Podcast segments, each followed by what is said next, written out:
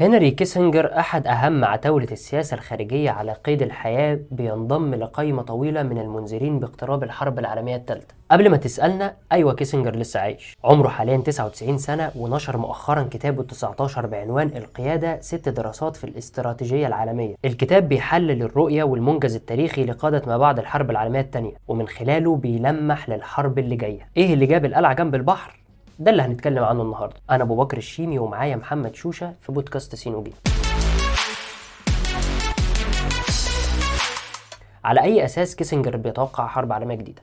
خلينا يا أبو بكر نحط هنا بالبنط العريض لأننا عايشين في عالم ما فيهوش محمد أنور السادات. السادات بتاعنا؟ أيوه هو ما تستغربش. مال السادات ومال الحوار الكبير ده. الكتاب بداية كده بيحلل الرؤية والإنجازات التاريخية لأهم قادة العالم في مرحلة ما بعد الحرب العالمية الثانية. حددهم في ست شخصيات أديناور ديجول نيكسون لي كوان يو مارجريت تاتشر والسادات. هو بيقول إن الست شخصيات اتشكلت في مرحلة الحرب العالمية الثانية الممتدة ل 30 سنة زي ما قلنا وإنهم جميعا ما كانوش شخصيات تكتيكية لكنهم أتقنوا فن التكتيك بعد وصولهم للمناصب بتاعتهم عشان يشكلوا العالم في مرحلة ما بعد الحرب العالمية الثانية بعد ما جمعوا نموذجين أصليين للقيادة اللي حددهم في نقطتين بالتحديد البراجماتية وبعد النظر اللي بيمتلكهم رجل الدولة والجرأة الحكيمة اللي المفروض بيمتلكها الأنبياء. طيب بص مش هجادلك في إن الشخصيات دي فعلا شكلوا التاريخ في المرحلة دي لكن إيه علاقتهم بتوقع الحرب العالمية الجديدة. ده مبني على رؤية كيسنجر العامة للدبلوماسية باعتبارها عملية موازنة بين القوى العظمى. ده محتاج نوع من توازن القوى وكمان قبول لشرعية القيم المتعارضة أحيانا أو إدراك القيود المفروضة على ممارسة قدراتك.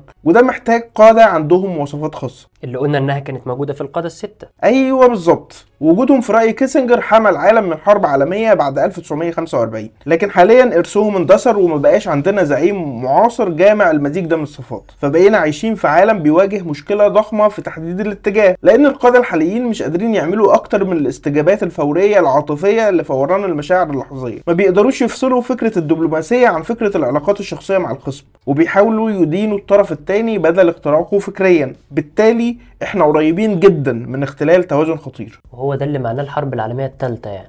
بالظبط كده. كيسنجر بيقول إننا حاليا على حافة حرب بين أمريكا من ناحية وروسيا والصين من الناحيه الثانية وإن الحرب دي ممكن تولع في أي لحظة. روسيا والصين مع بعض؟ فيها نظر ابو بكر طب إزاي بقى؟ كيسنجر شايف إن طرفين الحرب الأساسيين هما أمريكا والصين اللي شايف إن هما فعلا بيخوضوا حرب باردة جديدة حاليا وإن الاتنين عندهم إمكانيات اقتصادية متماثلة وعندهم قدرة على الهيمنة على العالم وعندهم تقنيات تدمير مرعبة خاصة مع ظهور الذكاء الاصطناعي وكمان شايفين نفسهم المتنافسين النهائيين على حكم العالم. في وقت بتحكمهم أنظمة مش متوافقة فكريا ومع وجود قادة بين قوسين بيسخنوا بسرعة. فإحنا رايحين في داهية فعليا. طب وروسيا فين محلها من الإعراب هنا؟ هو شايف إن روسيا مؤهلة تكون راس حربة الصين أو موقعها الأمامي في مواجهة موقع أمريكا الأمامي اللي هو أوروبا. بالتالي بيقول يعني إن لو كان لسه في بواقي عقل في الغرب فكان المفروض يحتووا بوتين وياخدوا مخاوفه على محمل الجد عشان يحرموا الصين من الميزة دي. وهل سيناريو احتواء روسيا ممكن أصلا؟ حتى كيسنجر نفسه ما كانش عنده إجابة للسؤال ده. بعد ما الفاس وقعت في الراس ووصلنا للمرحلة الحالية من الحرب بين روسيا وأوكرانيا. يعني كده الحرب بقت واقع. دي غالبا المصيبة الجاية لأن ال think tanks الأمريكية الكبيرة بدأت ترسم السيناريوهات فعلا والموضوع فعلا شكله رايح على مصيبة. إيه ده؟ ده الموضوع طلع كبير جدا وشكلنا نحتاج حلقة تانية نتكلم فيها عن تفاصيل السيناريوهات دي. انتظرونا في الحلقة الجاية. شكرا يا محمد وشكرا لوقتكم معانا. كان معكم أبو بكر الشيمي في بودكاست سين وجيم في دقائق.